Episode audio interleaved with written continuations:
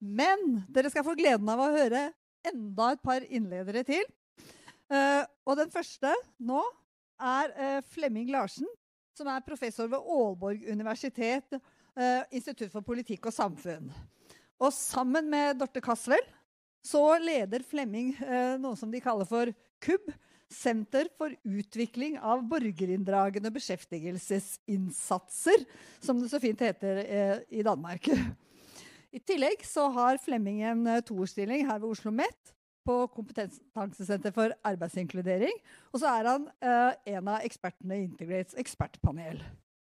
Eh, og i KUB, som Flemming kommer til å si mye mer om, så eh, arbeider Aalborg universitet sammen med danske kommuner om å skape endringer eh, i praksis, og om å skape ny kunnskap på dette beskjeftigelsesområdet som de kaller i Danmark, som vi kaller for arbeidsinkluderingsfeltet. Eh, og KUB er en videreutvikling av et innovasjonsprosjekt som Flemming og Dorte også hadde sammen med eh, danske kommuner. Så Flemming har mange års erfaring med eh, samarbeid mellom forskning og praksisfelt. Og det skal han dele med oss nå. Vær så god, Flemming. Tusen takk for det. Ja, jeg skal jo fortælle om øh, et helt vildt projekt, og det er stadigvæk vildt, og det er stadigvæk dumt, når man er forsker, det vi kaster os ud i, Øh, det giver en masse problemer. Men det er, vi har, vi har jo egentlig øh, forsøgt at lave et vildt eksperiment med, øh, der var otte år øh, som minimum, øh, og formodentlig kommer det til at vare længere. Du kan allerede se, at vi har allerede indgået nogle partnerskabsaftaler, så det kommer i hvert fald til at løbe minimum 10 år, det her. Øh, og det er jo ikke øh, lige frem den almindelige måde at arbejde på som forsker, at man, fordi vi normalt så springer vi jo fra projekt til projekt, øh, og ikke bare har sådan et længerevarende forløb. Og det er egentlig det vilde eksperiment, jeg vil prøve at fortælle lidt om i dag, og have, have fokus på det. Øh, og jeg sad og tænkte på, jeg har fulgt lidt med online, og der sad jeg og tænkte på, at det kunne jeg egentlig godt tænke mig at sige noget om. Alle, næsten alle de ting, der har været op i dag. Øh, og det er jo skummelt i sig selv, at man er, man er ligesom er med i alt muligt, men det håber I forstår, hvorfor øh, bagefter, øh, når jeg har fortalt lidt om det her partnerskab, hvorfor vi interesserer os på så mange forskellige ting på én gang. Men allerførst, så vil jeg fortælle jer lidt om, for I kan, man overhovedet kan forstå det her, så vil jeg bare lige sige sådan ganske kort øh, om, hvordan det, det danske system ser ud. Øh, det har været meget, hvad man kunne kalde en arbejdsrette linje, Øh, vi har haft et udbygget sanktionsregime, og vi har haft sådan et grundprincip om, at al aktivering det foregår i bedrifterne. Øh, og på den måde har det nok været noget anderledes i Norge. Jeg tror, det har været et mere, øh, mere hårdt system, kan man sige, øh, øh, hvis vi nu skal øh, prøve at sammenligne det her. Det, der så er sket undervejs, er også, at vi har haft en konstant udvidet målgruppe for det her. Øh, det, vi tidligere kaldte socialpolitikken, har vi flyttet ind i det, nu sagde øh, Tone beskæftigelsespolitikken, og det er det, vi alle kalder det på dansk, men øh, ind i, i kan man sige, arbejdsinkluderingen, at socialpolitik er blevet arbejdsinkludering, så alle er ligesom med i det her regime. Øh, og der i Norge, på, da man nu valgte at lave et partnerskabsmodel øh, i NAV, der valgte man i Danmark at gå den anden vej og sige, at det skal ikke være et partnerskab, det skal være kommunerne øh, alene, der, der står for det her. Øh, og det har har selvfølgelig været et, øh, et meget anderledes, og så alligevel ikke, fordi man har styret kommunerne benhårdt fra statens side af, fra starten, hvor man nemt kunne sige, at øh, det kom under sådan meget stærk øh, kontrol med performance management og, og styring på økonomien, fordi man var så bange for, at de her kommuner, de nu vil slække på den her arbejdslinje. Øh, og så er det så også været et system, der har været konstant under offentlig kritik, øh, øh, som er alt for byråkratisk og alt for rigidt og alt for ufleksibelt og alt for lidt fokus på brugerne og alt for lidt øh, samhandling, kunne man kalde dem. Men der er sket noget, som der også er sket i Norge, og som er sket i rigtig mange andre lande. Der er sket rigtig meget de sidste år. Dels har kommunerne nu fået øh, meget større frihedsgrader. De har også overtaget hele økonomien på det her område. Og der er kommet meget større fokus på det her med helhedsorientering og på dansk taler vi rigtig meget om samskabelse og brugermedvirkning. Øh, og vi kalder det borgerinddragelse, det er så det, vi har været meget optaget af. Øh, og det er sådan det der udgangspunkt, der hvis nogen af nu er det jo snart juletid til at tænke, at vi mangler en julegave, så kan man købe den her bog, og der er faktisk, det er jo så ikke som med alle de andre julegaver. Det er ald- de har dem aldrig på lager. Den her har vi på lager. Vi har masser af dem. så der kan man altså sagtens nå og sikre sig en, øh, en god julegave. Hvis man nu man er meget interesseret i, hvordan den danske beskæftigelsespolitik ser ud. Men for at fortælle om det her, så, så begyndte vi, vi, vi, det kom allerede i, ja, det var helt tilbage til, til 15, øh, hvor at, at vi gik sammen med to kommuner, og så fik vi den idé, at man kunne lave innovation på det her område. Altså det måtte, det måtte være muligt. Øh, og så gik vi til Innovationsfonden, som aldrig nogensinde havde støttet et samfundsvidenskabeligt projekt før. Normalt så støtter de vindmøller og lakseopdræt og sådan nogle ting. Men vi kom med den gode idé, måske kan man lave innovation i øh, arbejdsinkluderingssystemet. Og det synes de faktisk lød så fantastisk fornyende, at, der kunne, at man kunne kombinere ordene jobcenter og innovation. Øh, så det fik vi faktisk penge til af Innovationsfonden. Øh, og det er, øh, er der kommet rigtig meget opmærksomhed på at, at arbejde på den her måde, fordi vi gik ind i det her partnerskab, som jeg skal fortælle lidt mere om. Øh, og det betød, at der var flere fonde, som begyndte at blive interesseret, øh, og det er faktisk den helt fuldstændig unormale måde at være forsker på. Normalt bruger vi næsten al vores tid på at skrive ansøgninger, øh, for vi kan få penge. Og pludselig var der fonde, som gerne ville arbejde med os og inviterede os til kaffemøder. Øh, og det betød, at vi i 2016 fik en stor bevilling fra den AP Møllerske Støttefond. Altså det er den, det største firma i Danmark, Mærsk, øh, som har sådan en stor fond, øh, som har givet os en bevilling, som vi så har fra 20 til, til 24. Og det har vi fået til at etablere det her øh, KUP-center, øh, som handler om Center for Udvikling af Borgerinddragende Indsatser. Og der har vi arbejder vi med fire kommuner, eller med seks kommuner, og vi arbejder så også begyndt at arbejde med nogen med på forskellige øh, niveauer. Og vi har hele det her team af forskere, som, som arbejder på, øh, med de her ting. Og målet, som sagt, når vi siger, at vi vil lave innovation, det har været sådan udgangspunktet. Kan vi lave en, en indsats, der er meget mere bruger, øh, der har meget mere brugermedvirkning i sig, øh, og som på den måde også bliver meget mere effektiv, øh, og måske heller ikke bliver udsat for så meget kritik, øh, som det har været øh, hidtil. Det har ligesom været målet øh, med det her ting. Og det kan man sige, det er jo så lidt, jeg ved ikke om det er held, det er det jo nok. Vi har i hvert fald timet det her på en måde, sådan at vi er blevet meget, meget interessante, fordi der skete så mange ting, jeg tror, det sker i, i mange andre steder, men det er i hvert fald i Danmark, at der været meget stærkt det her med, at New Public Management er blevet voldsomt kritiseret, og alle taler nu om, at nu skal vi lave New Public Governance i stedet for. Og når vi siger de her ting, så er det jo den her styring, som vi har kendt sådan traditionelt med performance management, og så skal man til at styre på en anden måde med, med samskabelse og helhedsorientering og borgerinddragelse øh, som svar. Men det det, som der mangler rigtig meget svar på, det er jo, ja, det lyder så dejligt, det skal vi gøre, men hvordan pokker gør vi det?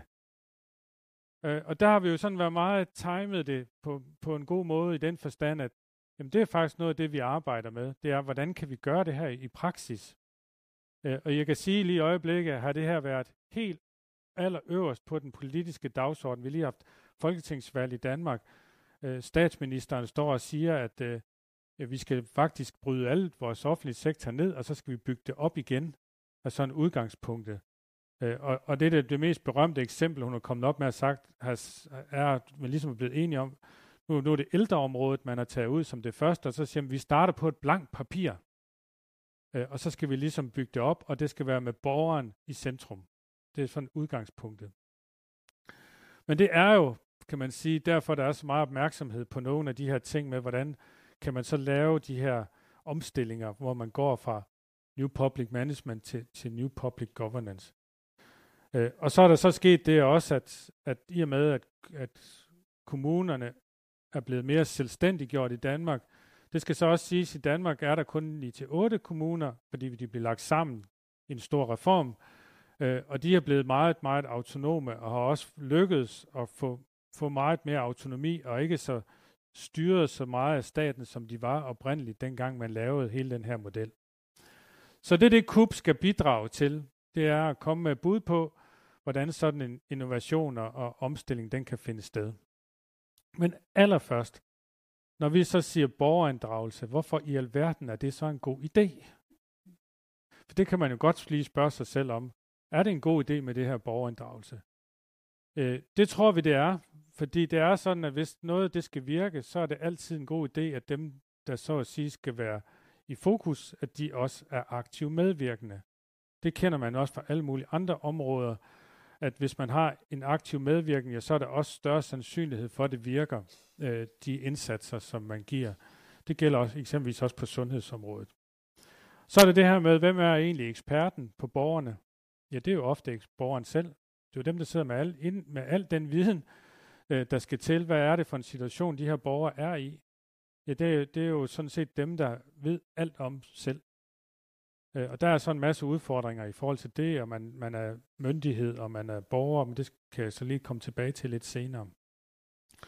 Og så er der endelig det her med, at der er nogen, der også har talt meget om den her gode samarbejdsrelation. Det har fyldt rigtig meget i den danske debat, hvis man har tro på, hvis, hvis sagsbehandleren har tro på borgeren, og hvis borgeren har tro på sagsbehandleren, ja, så er der meget større sandsynlighed for, at det kommer et succesfuldt output ud af det. Og nogen taler om sådan work alliance theory som en del af det her. Men det er sådan tre, tre sådan kerneargumenter for, hvorfor at det er en god idé at inddrage borgerne i det her. Og så kommer altid argumentet, det kan man så ikke, når det handler om arbejdsinkludering, fordi der stiller man så mange krav. Og hvordan kan man lave brugermedvirkning, borgerinddragelse, samtidig som man kan stille krav? Det er en diskussion, jeg rigtig gerne vil tage. Den kunne jeg tage med de næste par timer. Men den tror jeg, vi lader ligge her. Men det er så, hvis nogen har lyst til at, at gå længere ned i det, så, så kan man kigge mere i den øh, artikel, der er citeret fra her. For jeg tror at nogle gange, vi, vi har i hvert fald den opfattelse, efter at have siddet og observeret mere end 200 samtaler øh, mellem øh, første linje øh, medarbejdere og, og borgere, så er vi i, at det blevet af den opfattelse, at det i virkeligheden er en falsk modsætning, det her. Man kan sagtens la- lave brugermedvirkning, borgerinddragelse og stille krav på samme tid. Det, er, det er, ser vi i praksis igen og igen og igen. Nu kan man sige, at det her, det er jo så ikke, øh, vi, vi prøver så sammen med kommunerne at bygge det her op, man kan sige, lave, lave modeller og, og måder og, og, at lave nye øh, måder at arbejde på sammen med dem. Men det er jo ikke sådan kun, at vi gør det fra neden af. Det gør vi jo selvfølgelig.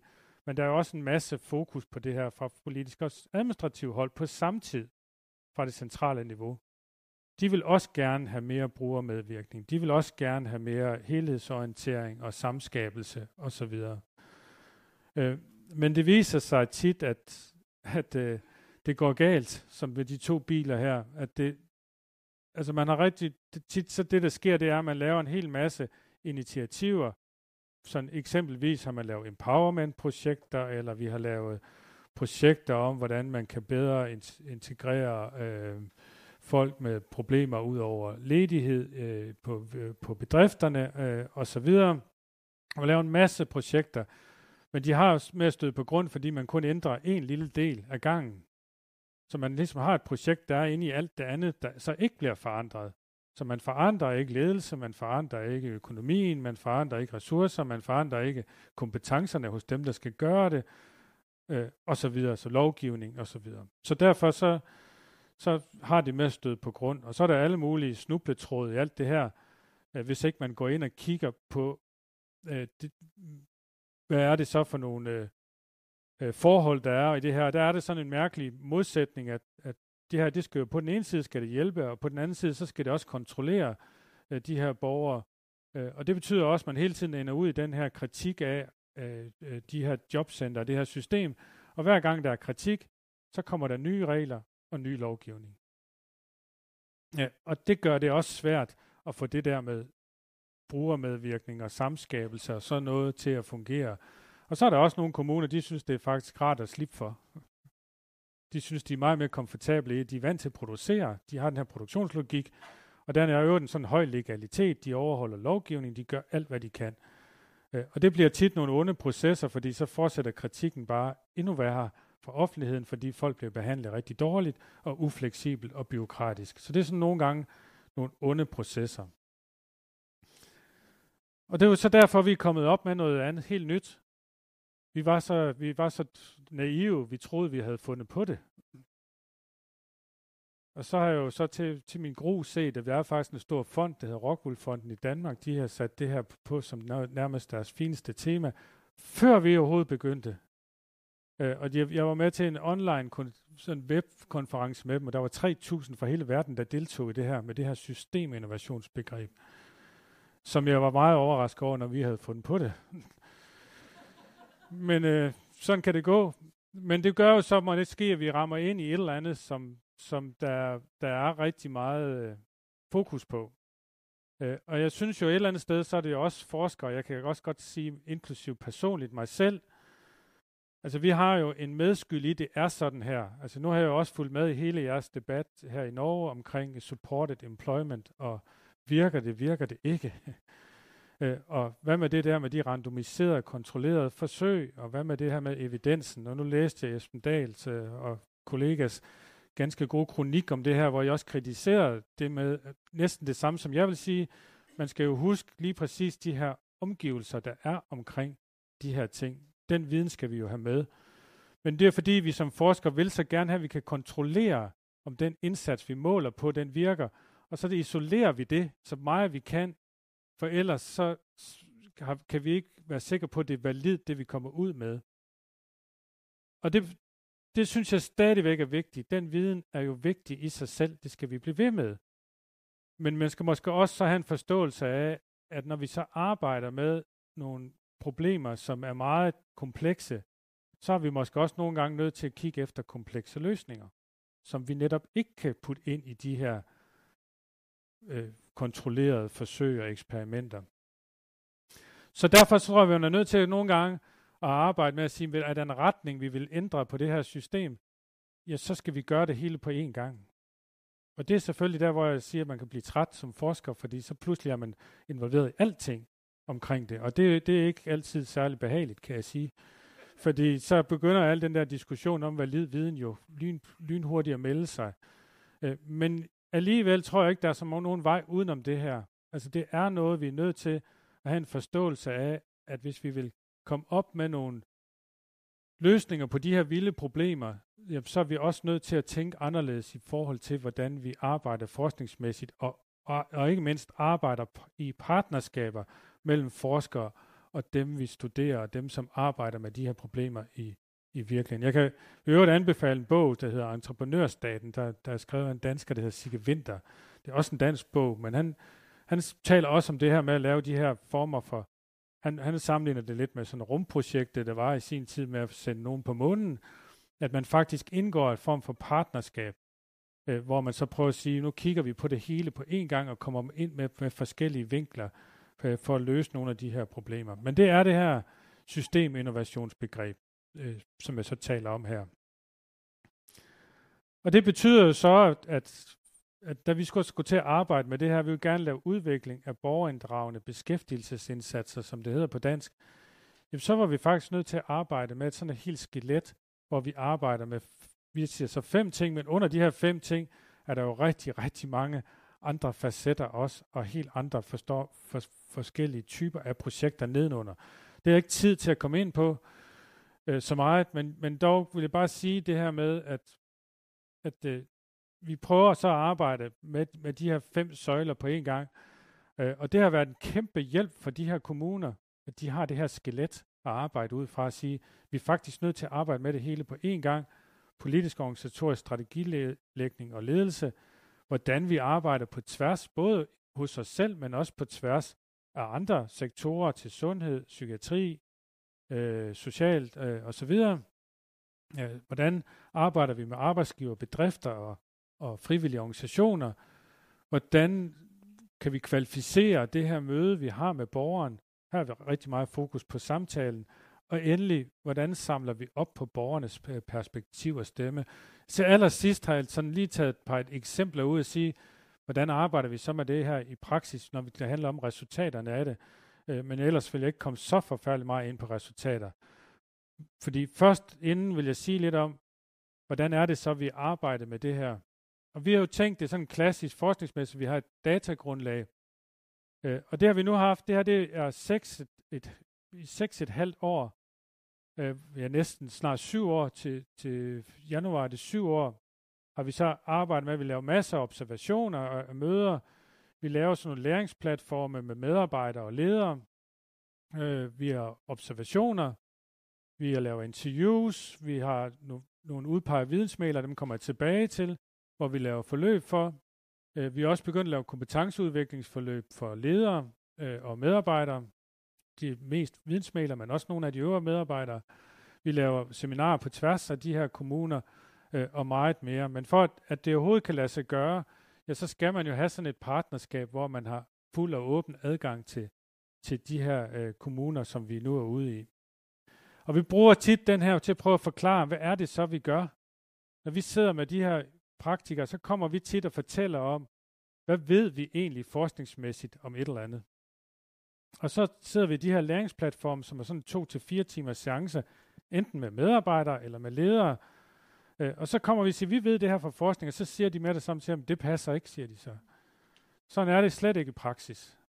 Det kan I godt glemme alt om, fordi der er lovgivningen, og der er de penge, der ikke er der, eller de borgere, de opfører sig ikke sådan, de opfører sig helt anderledes, eller det kan vi ikke, fordi vores ledere siger sådan, eller det kan vi ikke, fordi, og så videre, og så videre.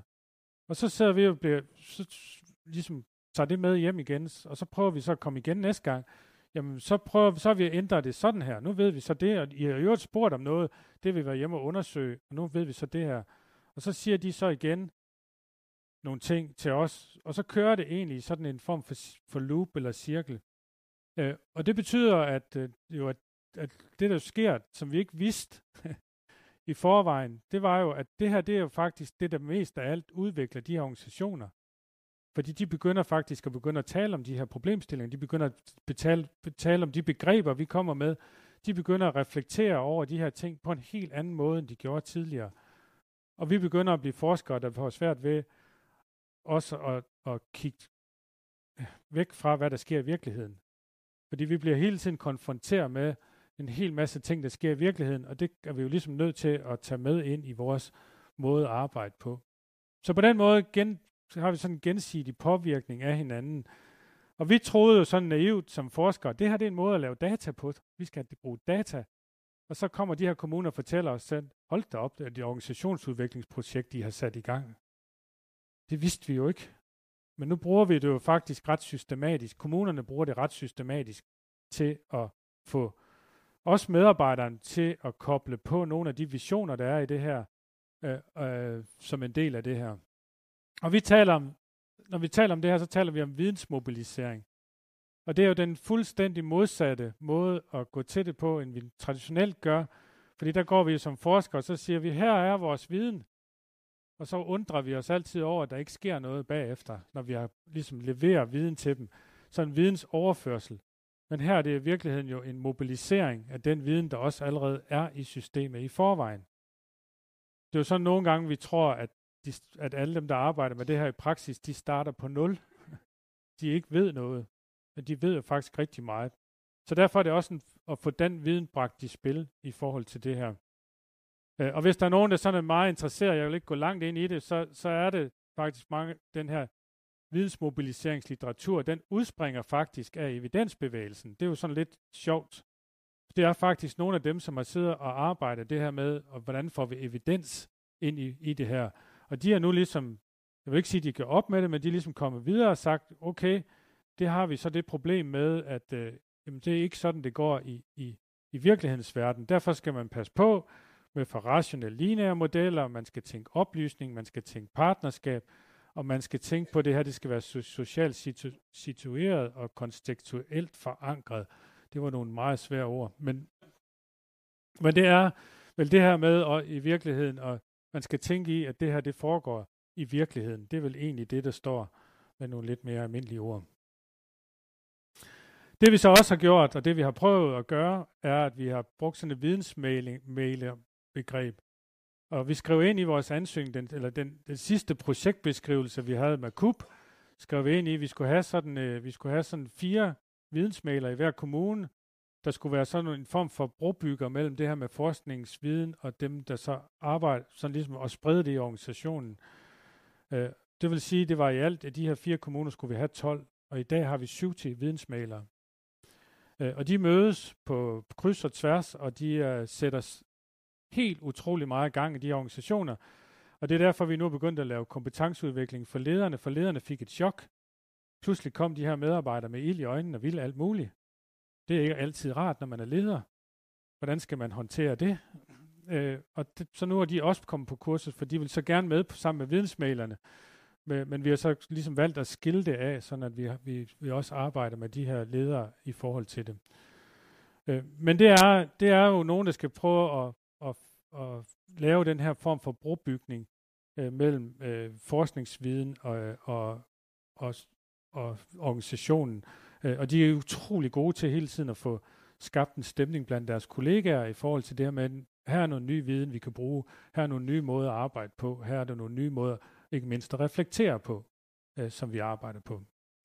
Og så har vi sat op, det var meget inspireret af, at vi skulle have nogle, ligesom nogle ting, vi er nødt til ligesom at blive enige om, nogle principper, vi kaldte det dogmer, taget efter dogmefilmen, så skal der helst være 10. Det knep at finde på 10, men det lykkedes til sidst. Og det er, det er nok det allervigtigste hele tiden at sige, at det er ikke en evaluering, for det er faktisk det, de hele tiden, vi, i starten, det gør de aldrig mere nu.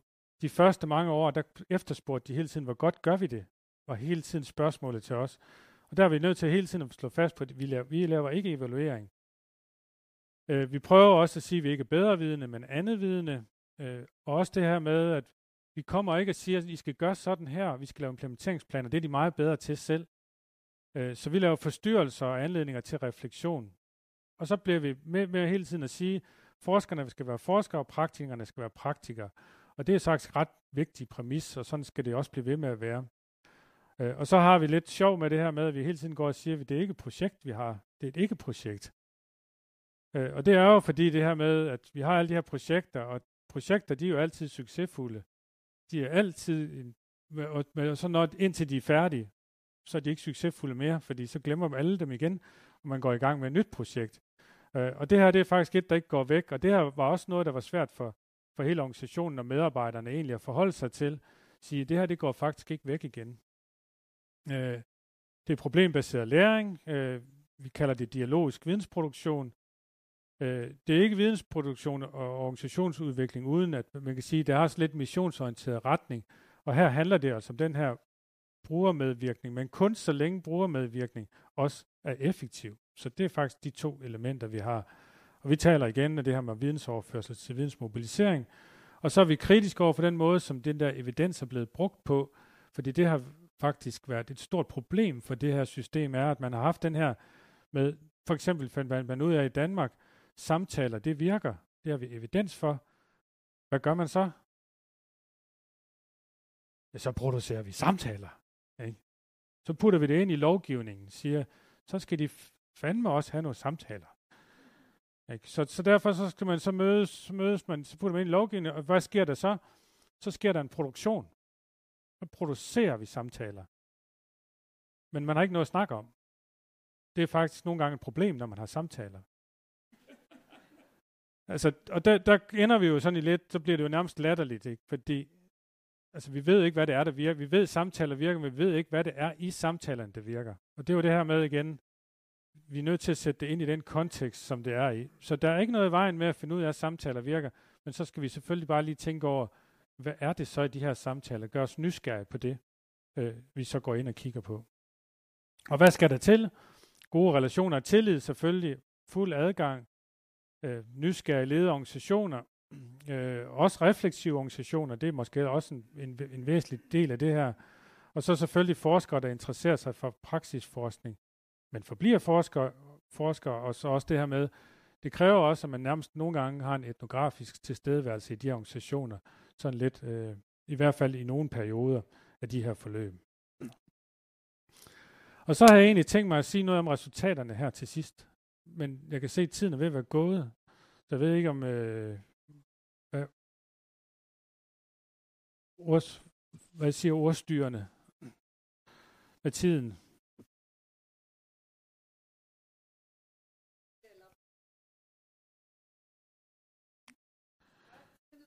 Fem minutter til, ja. Så jeg prøver at gå meget hurtigt frem, men det, det, er, sådan, så det er bare for at prøve at give nogle eksempler.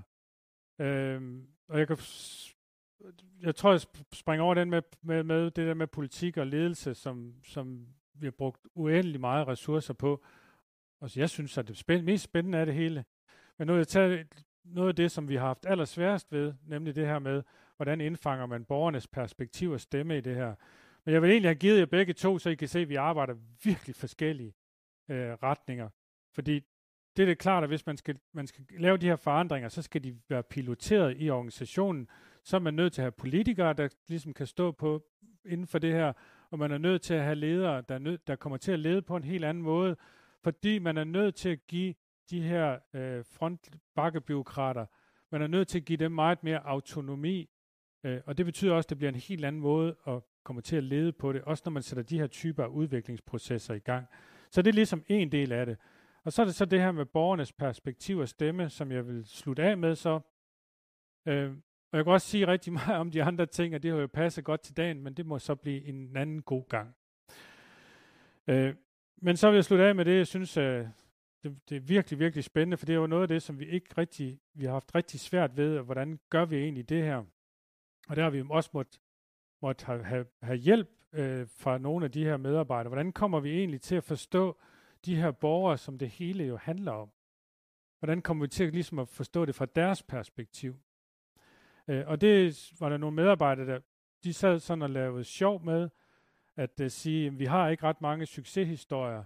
Der er rigtig mange af vores mest udfordrede borgere. Uh, de, uh, de, de, de kommer igen og igen og igen. Uh, vi får dem aldrig rigtig i, ud i arbejde. Og så var der en, der sagde, at det passer ikke.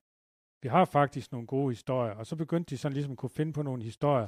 Og så fik vi den idé, lad os prøve at finde alle de succesfulde. Og så prøver vi egentlig at lave et forskningsprojekt ud af det, og så spoler vi tilbage, så interviewer vi borgerne, så interviewer vi de her sagsbehandlere, som har været tæt på det her forløb. Så prøver vi at finde ud af, hvorfor var de her succesfulde for nogle borgere, som ikke havde særlig stor sandsynlighed for at være så succesfulde. Det laver vi en stor, flot analyse af med en masse fine resultater i, og den vil jeg slet ikke nævne. for vi fandt ud af noget andet da vi sad med alt det her materiale, sammen med en hel masse andet borgermateriale, så var der en, en vaks øh, studenter, øh, student hos os, som begyndte at sidde og lave kodninger på det her, og fandt ud af, at det, som borgerne de talte allermest om i alle de her interview og alle de her observationer, når vi havde med dem, det var tid. Det var faktisk tid. Tid fyldte så utrolig meget i hele det her forløb. Øh, og så, det var sådan den ene del af, af det her. Og den anden del, det var den her forståelse af, at jamen, man startede hernede, og så kom man ligesom ind på jobcenter, og så blev man bygget lidt op, og så kom man herop, og så kom man herop. Og herop var lykken, så det var arbejde. Man gik sådan op i.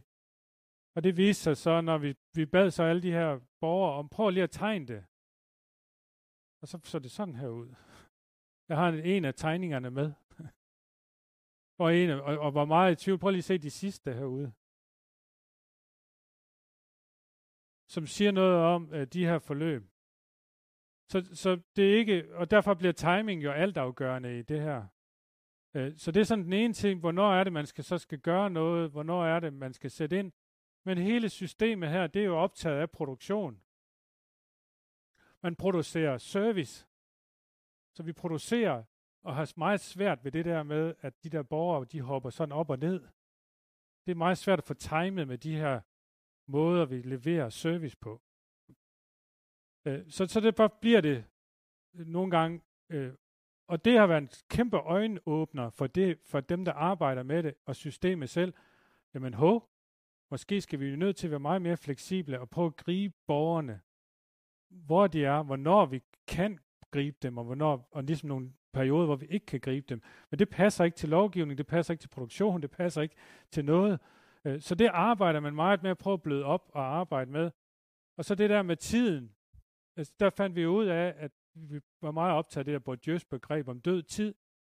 Og det her det er en af mine kollegaer, der har lavet sådan en sige, hvordan kan man så arbejde med det? Øh, det vil jeg ikke øh, gå igennem, men, men bare sige, at det der med, med, med død tid, er jo sådan, at for nogle af de her borgere, der er det her med, at man, man ikke ved, hvad der sker. Man ikke ved, hvornår der er en afgørelse. Det er den rene tortur for dem. Fordi deres liv går i stå. Så, så, så det, man, man kommer ud i en form for tomhed, som jo, og det er jo også det, som der ligesom ligger i det her begreb om død tid, kan føre til depression. Øh, men det er jo, man, man kommer ud i, i, i, i et vakuum i virkeligheden. Og for andre borgere er det bare et pusterum. Der er det faktisk en form for ventetid, som man er egentlig, og det er egentlig meget rart, nu skal jeg ikke lige til noget lige i øjeblikket. Så derfor har den der forståelse af tid, og det med at arbejde med tid, det har været sådan en, en, en øjenåbner også for dem, der arbejder med det. Det er min, min gode kollega øh, Merete Monrad, som har lavet det her, som arbejder med det.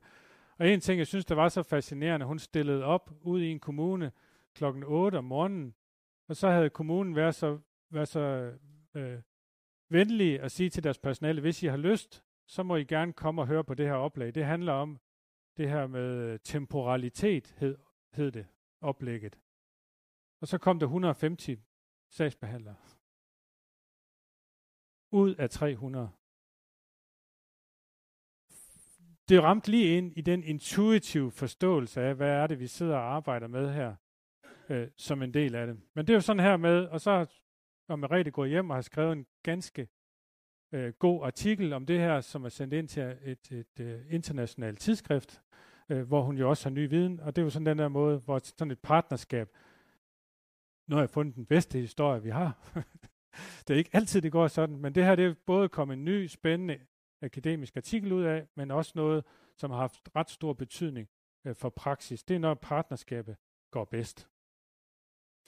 Og så vil jeg ikke sige mere. Øh, og jeg kunne have sagt meget mere om det sidste. Og hvis I stadigvæk til at tænke over det her med den her julegave, så er der faktisk et sidste bud også, fordi her står rigtig meget af det, jeg lige har stået fortalt om.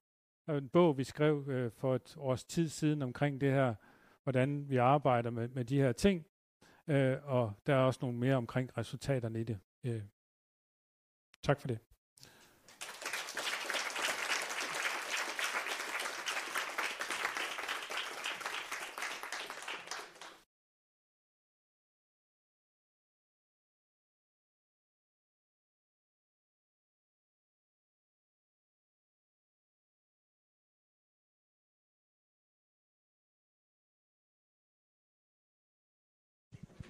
Tusen takk, eh, Flemming. Det var veldig morsomt å høre på deg. Dere, dere får til mye morsomt i, i Danmark, syns jeg. Selv om det kanskje er litt tungt for en uh, forsker å henge med i svingene. Men uh, du også uh, vil få en bok, som, en, som de andre bidragsyterne har gjort. Så vær så god, der er boka som er presentert tidligere, men som du også fikk med deg digitalt, skjønner jeg. Bokpresentasjon. Og takk for bidraget ditt. Har vi nå Mirella på link fra Nederland? Det ser jaggu meg sånn ut. Det er ikke verst. Hører hun meg nå? Dette er litt spennende.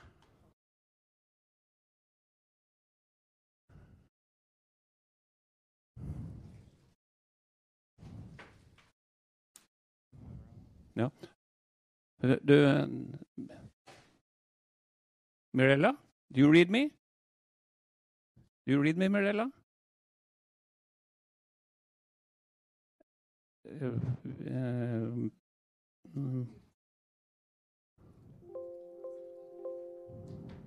can you hear me? Yeah, we can hear you. Do you hear me? Oh, great. Yes, also. Yeah. Excellent. Then, then I will uh, introduce you. Okay, great. Yeah. great. Yeah. Good to see you, by the way. Thank you. I can't see you, unfortunately. No, I think no. You're on the other side of the room, but I uh, I can hear your voice. Yes. Can you see me now? Foran her? Nei, OK. OK. I'll I do it like people this. who are sitting in Okay. the road on Yeah. red chair. Yeah. Okay. I, I'll just int- introduce you shortly. Um, uh, Mirella Minkman is the uh, Chief Executive Officer of Vilans Research and Innovation in Utrecht and professor at TIAS School for Business and Society, University of Tilburg. Mirella's research, research focuses on what ingredients, ingredients are essential and present in the organization and the government of integrated care. how they can interact and develop over time, and what innovative concepts are possible and effective. Um, she is also, I would add, absolutely, a highly valued member of Integrate's expert panel. The title of Mirella's talk is Implementing Person-Centered and Integrated Care and Welfare in Highly Dynamic Environments. Mirella, the floor is now yours. Uh, well, not floor, but the screen at least is yours. so anyway, you're on, please. Thank you. Thank you for this introduction. Um, and it's good to see you all, or uh, almost everybody. Unfortunately, I was not able to uh, um, to travel to your beautiful country because of the end of the year is always a kind of a busy period. I think you must uh, experience the same. So, uh, but I'm still happy to be here in this uh, and have this opportunity to share with you uh, some of my thoughts. Um, and I just uh, focus on some of the aspects, of course, because as you already heard in the introduction, the topic of where I'm working on is quite broad, uh, very interesting, I think. So I would highly also recommend you to just ask questions or reactions or whatever. So I just made a, a, a short selection of some topics, but uh, I'm very curious also about your situation and if we can exchange furthermore about uh, these kind of topics. So I will share my screen to help you a little bit. And you also got slides, I think, so you don't have to write or whatever. Um, but that's, um, let's see. Yeah, I think it's this one. See if it works. And that's the first one. Okay. Right. Okay. So um, can you see the slides? Is that okay? Yes, I see a thumbs up, so that's great. Okay, thank you for that. Um, yes, um, well, the introduction's already done. Um, and what's important about that, I think it's not really um, uh, what I'm doing uh, uh, every day, but it's about that I combine explicitly in my work uh, different roles. And I think that's valuable because working on such complex issues as how do you, you could say, better organize person-centered integrated care and services is quite complex and then it helps to look from different angles at the same situation. So I incorporate that uh, kind of a less in my own life, you could say, by uh, looking sometimes from a research perspective as a professor, sometimes from um, a board director's uh, perspective, but also sometimes more from practice or a supervisor's perspective, because I have the different roles in my work. And I think that helps, especially for a topic like how do you reorganize? How do you um, uh, innovate the way you you lead you steer you organize your governance? It helps me personally to um, being uh, having uh, started at a really uh, practice you could say and now have all these different roles to think about how can we do this better. So and maybe, I'm not sure, but I think it could be possible that we have also some common and similar challenges in your country, but also in the Netherlands. Um, uh, it's uh, I just uh, put up a four on this slide, and if I look at it where we are in, as already introduced, uh, highly dynamic environments, then you see that after the or after we're still a little bit inside of the the COVID crisis, that's a kind of inter interaction between different large um, a crisis, you could say, uh, from uh, from health, but also energy, climate, etc. So the world is getting more, you could say, intertwined or complex. So how do we do that? How do we face these challenges? And if I look a little bit from the social care and the health perspective, so that's more or less the, so the perspective on uh, our society, then we see that the society as such is changing. Uh, of course, we have a decline in birth rate. I think you face the same challenges um, with more uh, older people, with also more complex or dynamic interact- interacting questions, you could say, or interacting needs. So in our country, you see, it's not only about health; it's also about living. It's about housing. It's about shortage in houses and things like that. So the interactions are very important, also for working on solutions and a very important one, um, I think you have uh, have it both, is uh, also is the shortage of staff in uh, healthcare we have. Um, uh, I was uh, told by um, by Tone and um, and Espen Espen that you also face the shortage of GPs, for instance. Now we have the same in the Netherlands, but also the more spe- uh, specialistic uh, staff, you could say, like nurses, but also the specialist elderly care. So that's the abbreviation of SEC, specialist elderly care. We have that in the Netherlands. Um, they are really under pressure. So, and that's I've kind of a fundamental of our health system because we also have gatekeepers. So if you have an issue with yourself, you go to the GP, and from that you can be referred further. So if the gates closed, so what happens? So that really needs a kind of a shift in thinking about how can we have our society in a healthy way living and how can we work with this shortage of staff to the people who are in need of support or care. So that's a really a big question. That's not really a healthcare question, it's a question for society, I think. Um, what we also see uh, is a kind of, you could say, thinking about how do we organize that? Do we do it on a central level or do we do it very local? So in, in neighborhoods, communities. And now uh, we are also uh, in the Netherlands, um, we had uh, a kind of a focus on decentralization and we're coming a little bit back from that, you could say, and I will tell you a little bit more about that because that's important for how we organize our support and care. So that's a scale question in my um, definition. So it's a little bit the same. So where are we coming from in the Netherlands? Also to bridge to what do we know about how do we um, organize uh, effective integrated care? Well, in our in my country, um, we came from a more or less system where there was more focus on competition, you could say, being the best. And if you have enough enough money, enough people, etc., then maybe there's nothing really wrong about being uh, the best or willing to be the best. But if there's also um, a reduction of available staff and things like that, you have to also look at how do we do that and how do we make the best of the people and the sources, etc. we have. In 2015, we had an important shift because it was experienced that it was organized too much, you could say, from a central point of view. Uh, and uh, the communities, the municipalities, um, were more and more in the lead. So for social care and long-term care, they got a more bigger role. Uh, and that was kind of a big reform because we have a kind of number of municipalities, very small one, very big ones. Uh, and they were not really, or maybe not all, they were really uh, uh ready for that, you could say, but they did their best. And we saw that the idea behind that was having uh, a much more influence from the local needs, from the local society, uh, instead of have it uh, organized in a more centralized way. But now we experience that that is, from a conceptual point of view, maybe a good issue. But um, uh, having it organized in that way is also kind of complex because some services are needed, uh, are delivered from one organization, for instance, um, from a home care organization in many municipalities. So if you have to make financial agreements with all municipalities, that's quite an issue.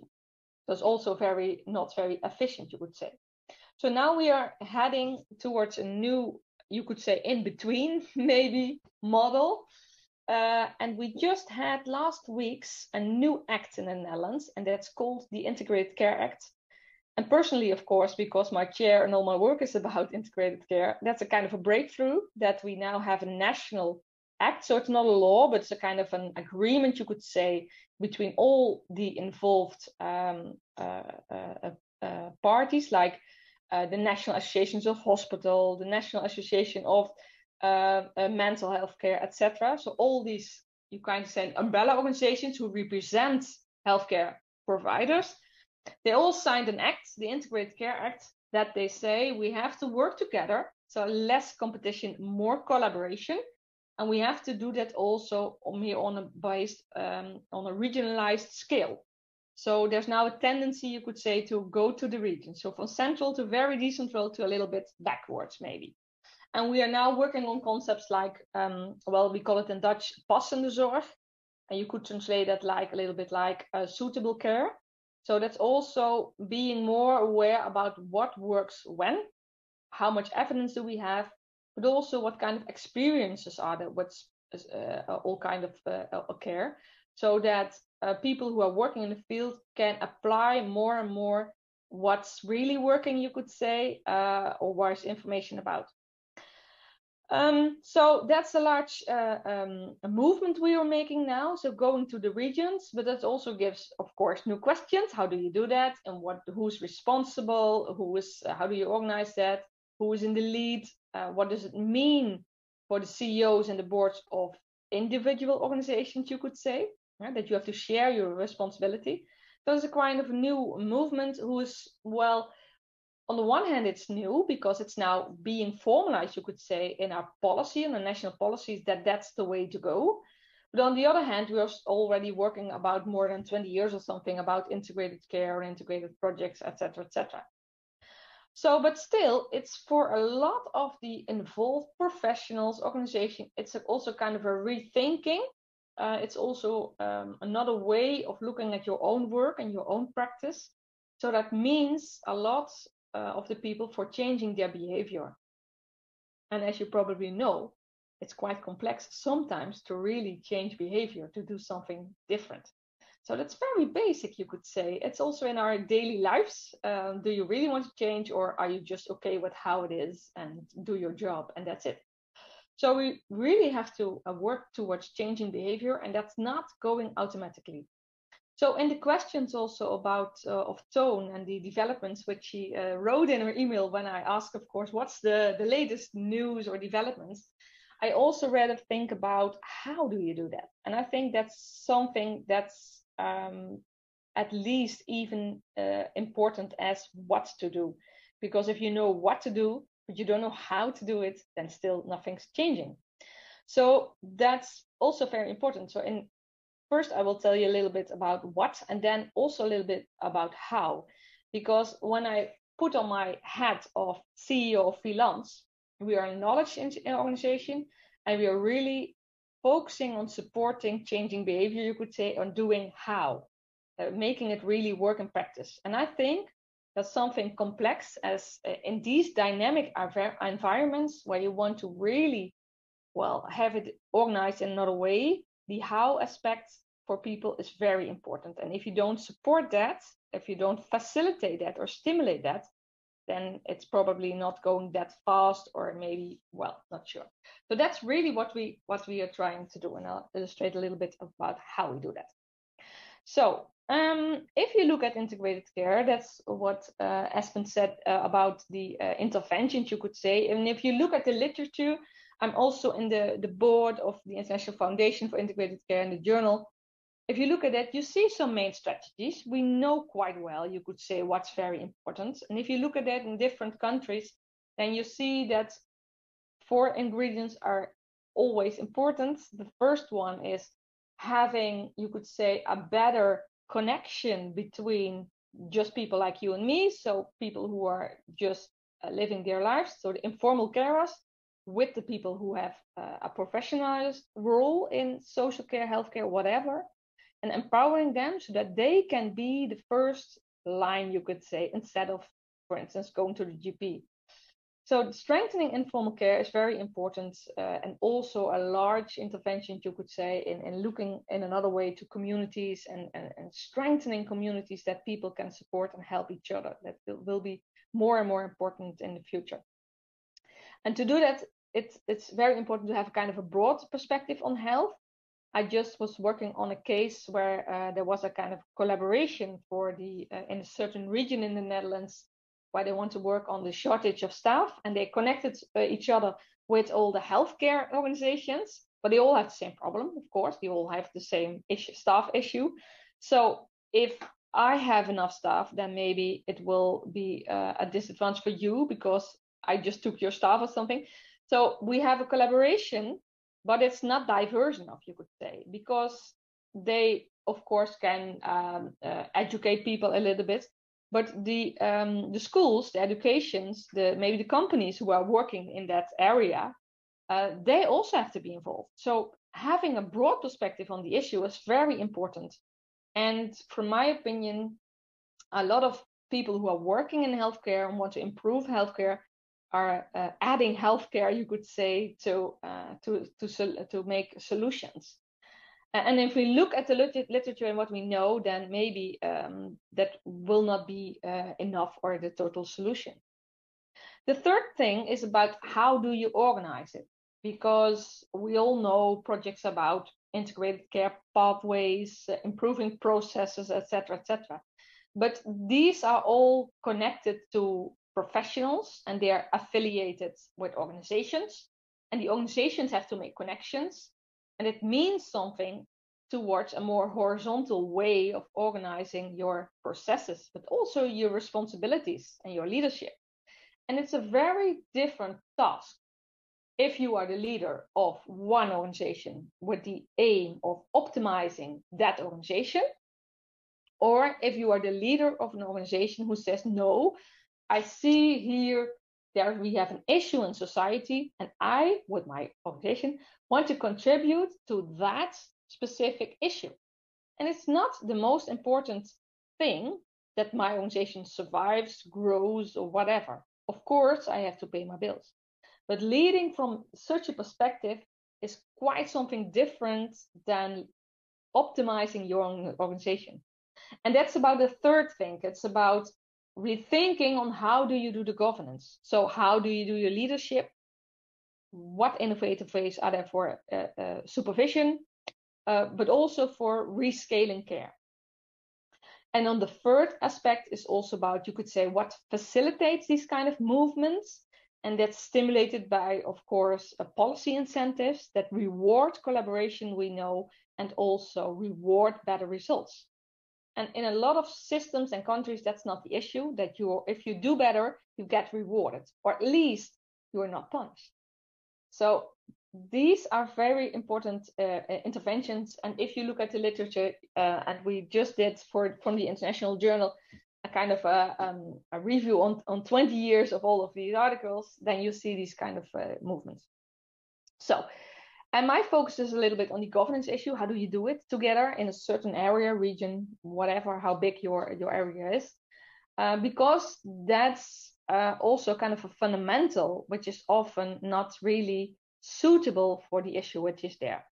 So in this publication, and you have some references later on, um, I describe some of the movements which are necessary. And my, you could say, hypo- uh, hypothesis is that if you don't work on these fundamentals, it's very difficult to implement these nice interventions, processes, or gatekeepers, or whatever. So it's an it's a change in leadership. It's a change in the way you have your supervisors. So I mean the external supervisors, like inspectorates, uh, like well we have a lot in the Netherlands. We have boards, and then we have supervisory boards. So the supervisory boards they they see if you as a as a leader if you do well, if you spend your money well, etc. etc. So these supervisory mechanisms have to change, not supervising organizations, but to supervise if issues in society with a shared responsibility are solved or not. So that's a different way of having your inspectorates, also for healthcare inspectorates, who are um, used to look at if organizations make failures or not, or have issues or complaints or whatever. Um, we also have a movement going on, which is getting stronger and stronger. It's been necessary. How you do your um, your involvement of people, so of citizens, of involvement of your employees, so away a little bit from the more traditional ways that you have a kind of a board or steering group of a number of people. So how do you really involve the people who um, address the issue? Uh, so we now have all kind of, you could say, also more um, um, societies and communities who are trying to increase their collaboration, so between citizens, and then make good connections to social care, healthcare, so there's more an entity instead of having all these organizations and try to deliver services to the people. Um, and also ask a movement in accountability. So who are you accountable for? Because uh, we now have a new governance code which says you have to be accountable to society. And it's something different than being accountable to your finances, for instance.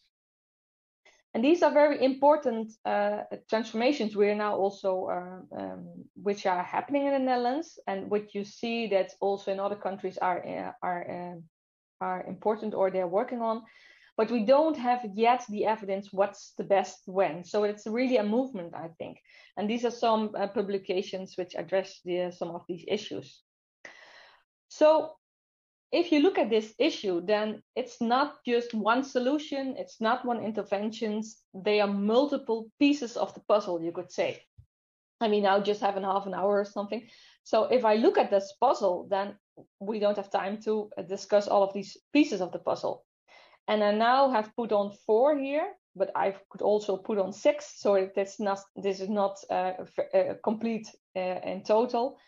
But maybe I can just uh, hop a little bit with you on the making pro progress thing and the trust and values because they are less discussed. If you want to know about how do you make more inter-organizational connections, what kind of structures are there, we have some literature and things like that. But the other aspects uh, is about people interacting, collaboration. How do you do it with each other? Um, this little bit more, you could say, soft skills or something. Uh, but they are also very important to um, uh, get things running and working and also sus sustainable in the longer term.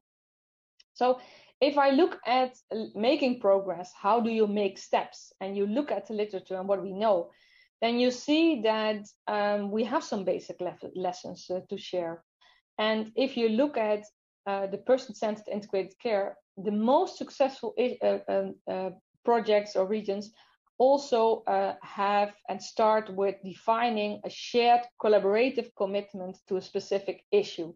So you really together have something you want to solve. You have an issue or you see a great opportunity, but you can't um, uh, handle uh, by yourself alone. So starting from that point of view is a very important uh, uh factor for success in my in my idea. And then if you want to work on that, you need coordination. I've seen so many uh, projects. often it starts like a project um, where it was running very well, and then they said, well, in Macon we uh, we can get rid of the coordinator because we don't need it anymore.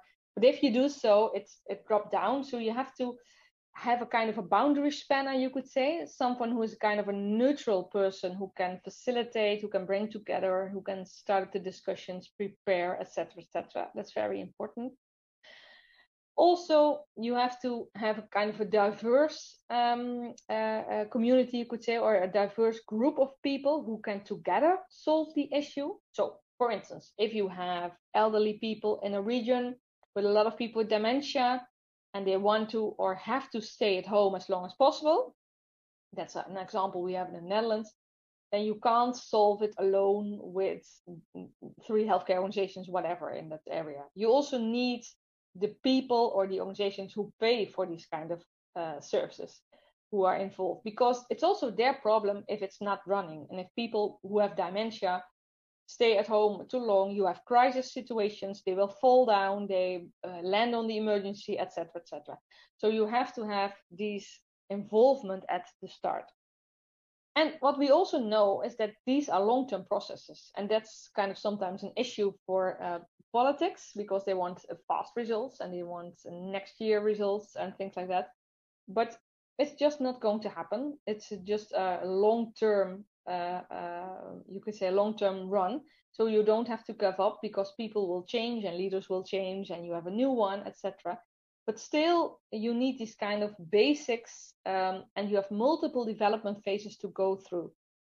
And you have to do something different if you start uh, and want to improve a specific integrated care for uh, for people than when you are um, um, five years ahead or something. You have to do different things. And we know from research what are the most, you could say, logical things to start with and what's better to do it a little bit later. Because it's so complex, if you start with it, you fail. And if you fail, it does something maybe with trust between your collaborative partners. So if you look from this perspective and we go back to the pieces of the puzzle, this is just a little bit about making progress. And there's kind of a, a, um, a, body of research about these development phases and what kind of activities or interventions you can do, etc. There's quite something about that already, so you can read further if you are interested.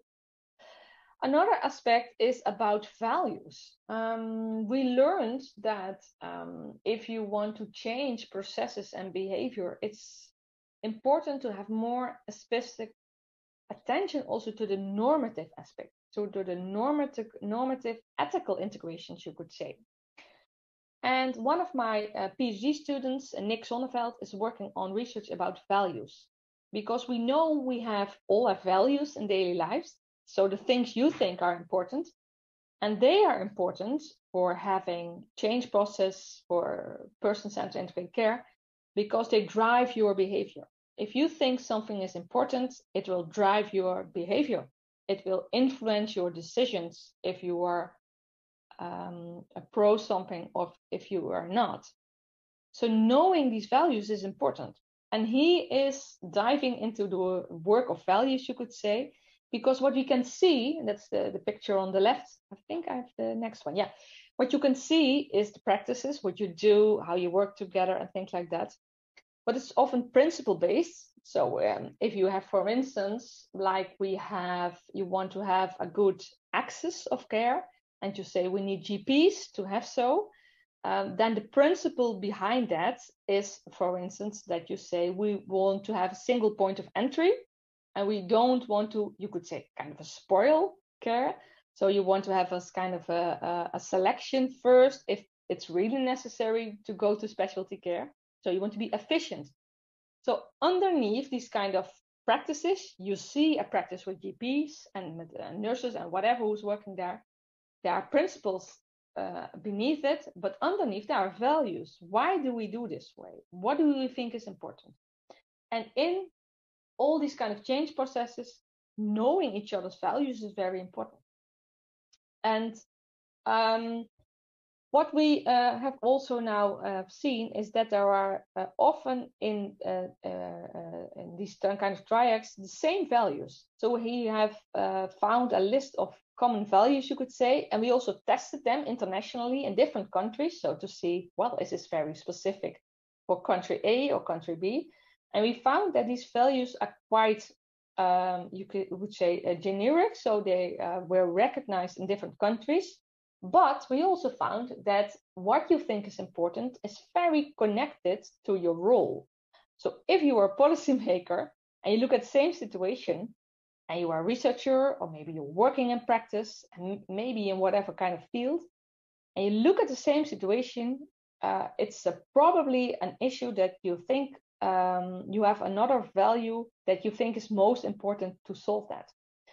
And often that's not made uh, explicit, but we are now also working on projects where we do make that more explicit and also as a kind of a starting point because you can make a to-do list and you can do all those kind of things but sometimes it doesn't work and there's a clash and you can't get it running or implemented or whatever and then it's good also to go back to the values thing, to have another discussion to see what's happening here. So that's an explicit making of underlying values and understanding behavior. So that's also a very important factor, we think.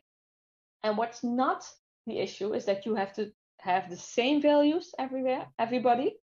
That's also not um, uh, necessary because it adds if you think something else is different is, is important than uh, for instance uh, than me and we have to come to a decision together then we have to balance these kind of things that you think are important and i think they are important and there's maybe no really truth that that's that you're right or i'm wrong or vice versa so it's about balancing between these kind of different interests and making that more explicit is a very important factor we think also for success. So this is something about the work, which is uh, from, from Nick Zonneveld. And here you can see these kind of values and the things we found. Uh, I already said a little bit about the different uh, partners or the different backgrounds of people which uh, um, were related to what you think is important. And if we look at these values, then you see that there are a number of these are more, you could say, uh, people related. So how do you work together? And there are a number of, of these values who are more organizational related, you could say, or governance related. And these are also two aspects who have to be in balance to have good person, personalized integrated care. So that's still um, about the what, you could say. It's not very on details because on all the studies you can write more about what to do or specific models, etc., or what kind of networks you can, can build. But it's more about the pieces of the puzzle, you could say, and the knowledge we have, which are important to get that running. Another aspect, uh, which I started uh, my lecture with, is that you can know what to do, but if you don't know how to do it or you're not facilitated, then still you don't get uh, you don't get movement, you could say.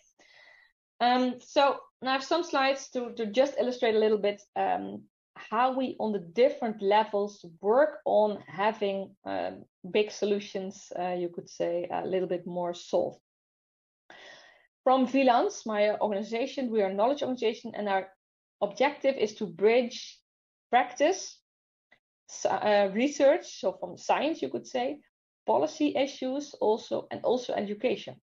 So how do you make that more work? How do you connect the valuable things that we found in research to other practices?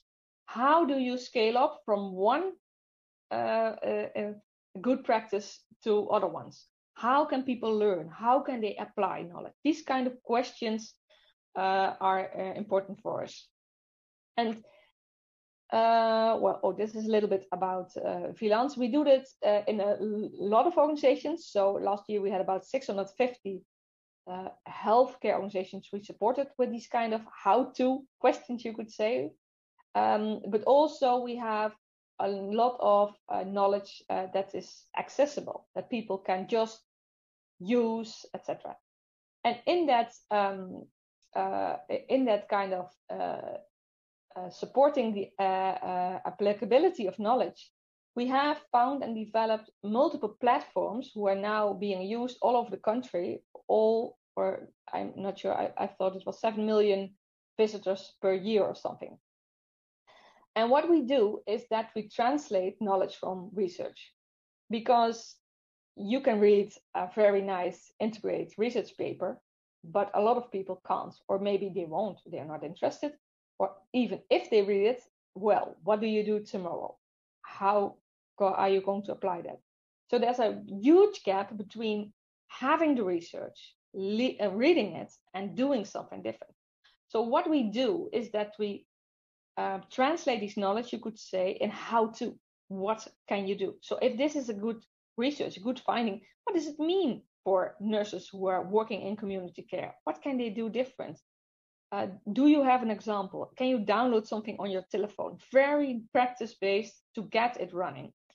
So that's what we do on these platforms, and we have an all kind of digital innovation between it because there's a huge database, of course, you can uh, imagine uh, behind it. And what we do is that the front offices are different so that you recognize it. So if you're working with people with uh, uh, disabilities, you get your own platform, you could say but the knowledge sometimes is shared between between all the other platforms. So that's what we developed to have it really, you could say, and I think I put it. Well, I see the the pictures. Yeah. Uh, I, I named it kind of a snackable knowledge, you could say, that you can, it's tiny, you can do it, you can apply it today. So that's very important to facilitate that. On the second hand, is what we do is try to support the process steps so that's, uh, we are now running nine large programs to have these uh, integrated care processes running. Because the integrated care, says you have to work in the region, but then in the region, you have to do it. How do you do that? So we have a national improvement program. So a region with a collaborative network can uh, uh join. And we're going to support them for one and a half year to make the steps and based on the knowledge we know from research what to do what to do first how to do it etc etc so that's a kind of implementation support. And lastly we also have to develop new knowledge because the innovation of supervision how do you uh, get your inspectorates in a different modus? How do you innovate your supervision of all of these organizations? That needs that needs new knowledge. We don't know yet. So we also have new rec- research, and this is an example of research I'm working on for myself to develop new knowledge so that you can apply But we still say then you have to do that together with practice. So not separate from practice, but you have to do it together with practice and learn, etc., etc. So this kind of how to, so make snackable knowledge uh, adaptive, support the uh, the uh, the process of implementation. That's really also a huge investment of our ministry, who is supporting and paying these kind of programs, and also doing new knowledge, very focused on the issues that you need. And that's together. Well, I'll skip this one. Uh, uh, comes together also to have the how to, you could say. So I see you already uh, grabbed the microphone, so I assume my time is up. That's a nice uh, symbol. Yes, Mirella, so, you, you time So I stop for this moment, I think, and give the floor to you back. no, no, please stay with us.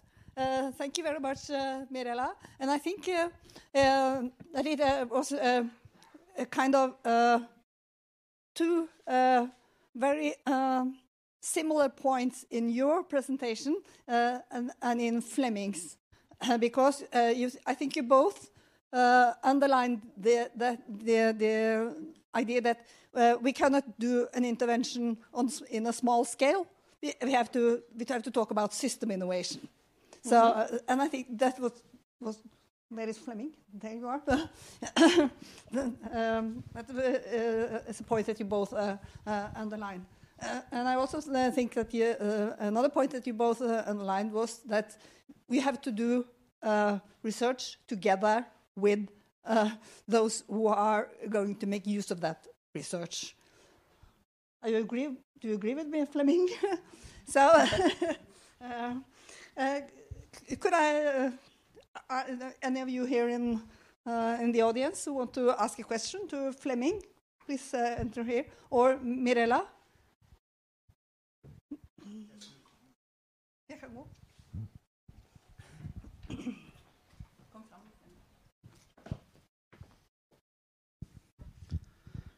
Hi. Um, I had a question for, for my name is Ivar Lødemel.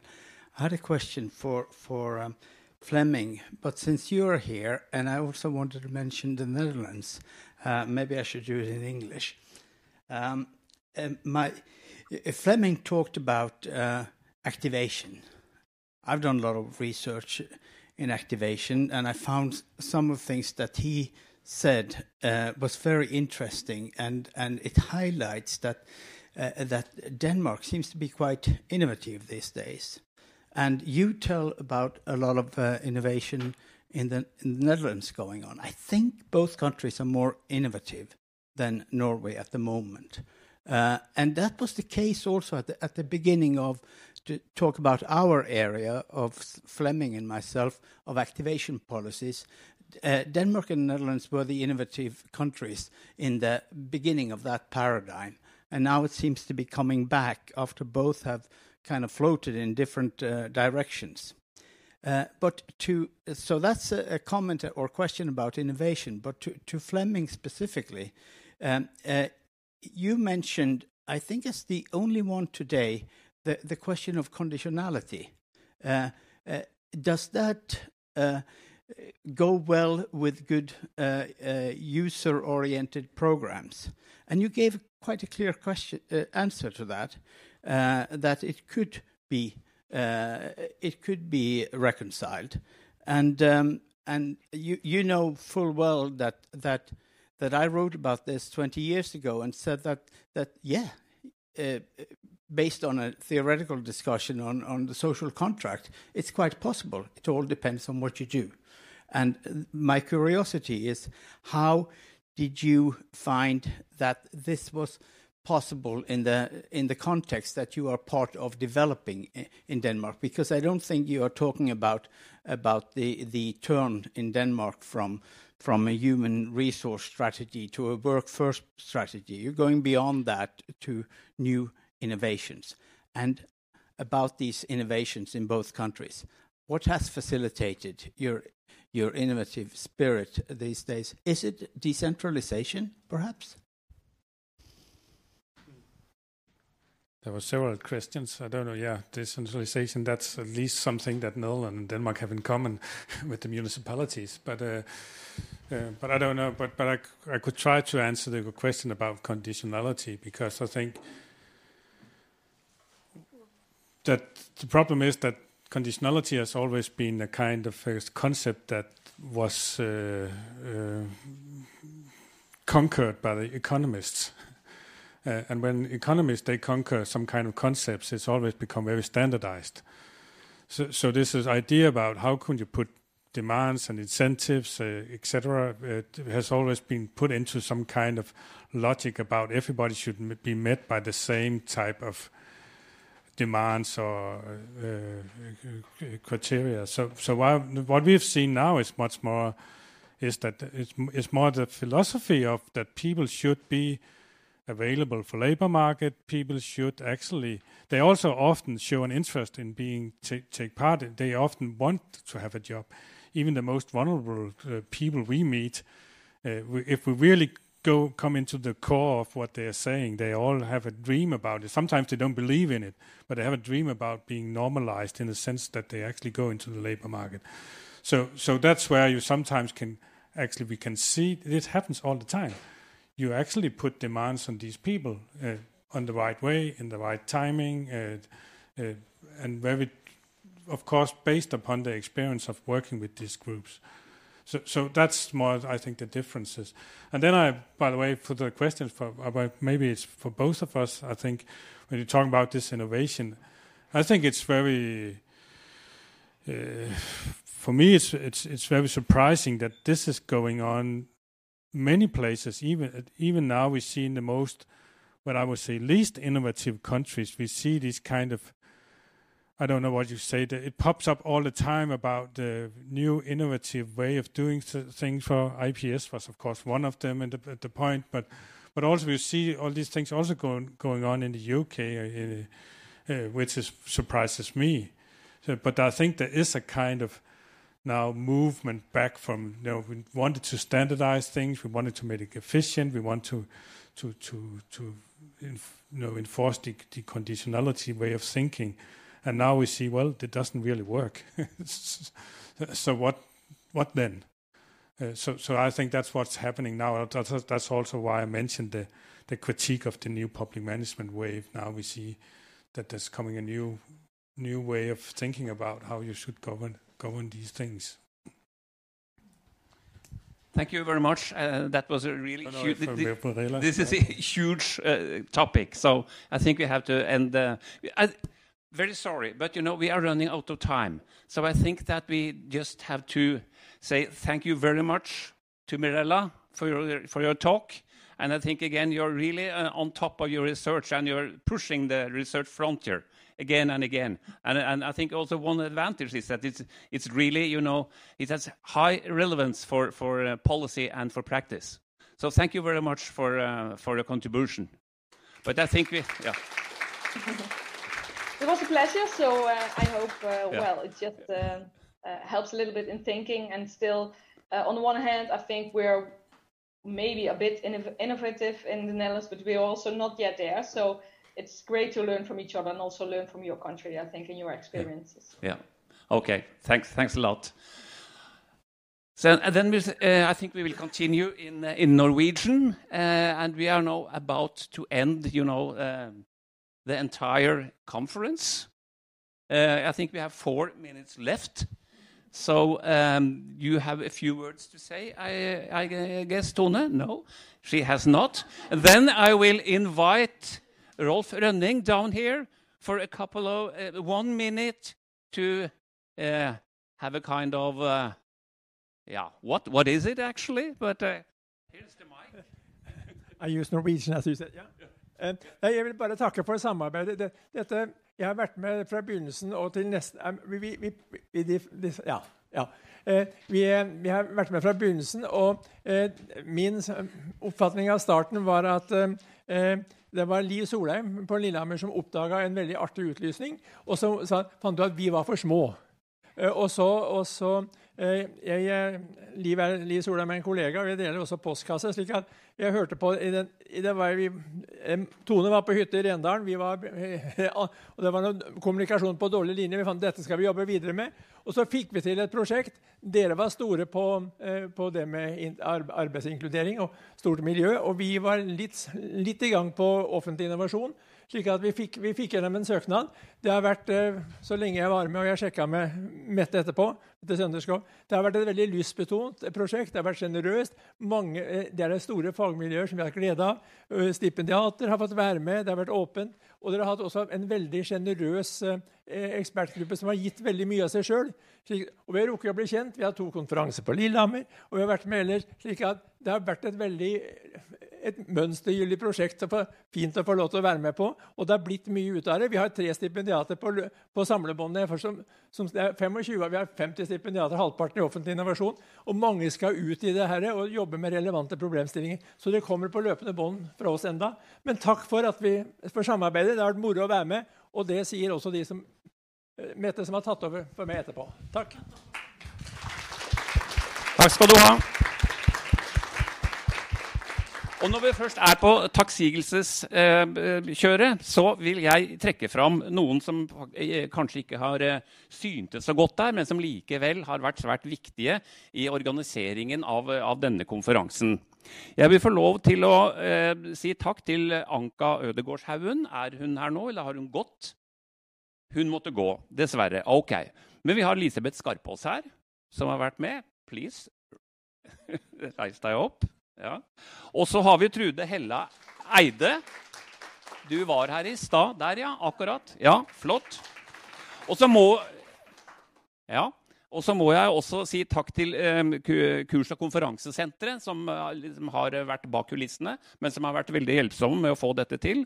Og sist, men ikke minst, Stian Brynildsen, som har vært med i planlegginga og som har vært eh, helt eh, uvurderlig i å fikse det tekniske her i dag. Da eh, sier vi takk for oss. Nå skal Tone si noe likevel. Virker det som? Nei? For det er resten av programmet, og den lå her da vi kom. ja. ja. Ja.